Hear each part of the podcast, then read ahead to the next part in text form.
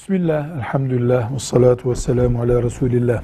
Vakıflar ve dernekler topladıkları kurban hisselerini kesinlikle Allah rızası için emanet edilmiş bir değer olarak görmelidirler. Böyle olur zaten.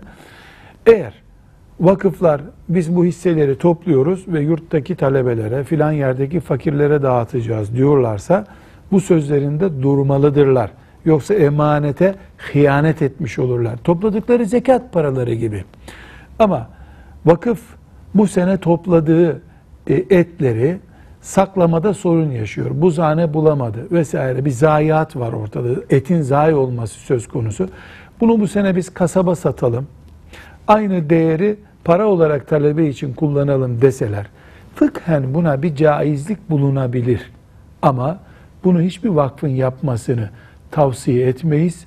Çünkü bu mümkün olduğu kadar korunması gereken itimada zarar verir. Vakıflar şeffaf olmalıdırlar. Vaat ettiklerini yapmalıdırlar. Uzantılarını aştıkça bu uygulamaların vakıflar, dernekler itimat kaybederler. Müslümanların paradan çok kaybetmemesi gereken şey itimatlarıdır. Velhamdülillahi Rabbil Alemin.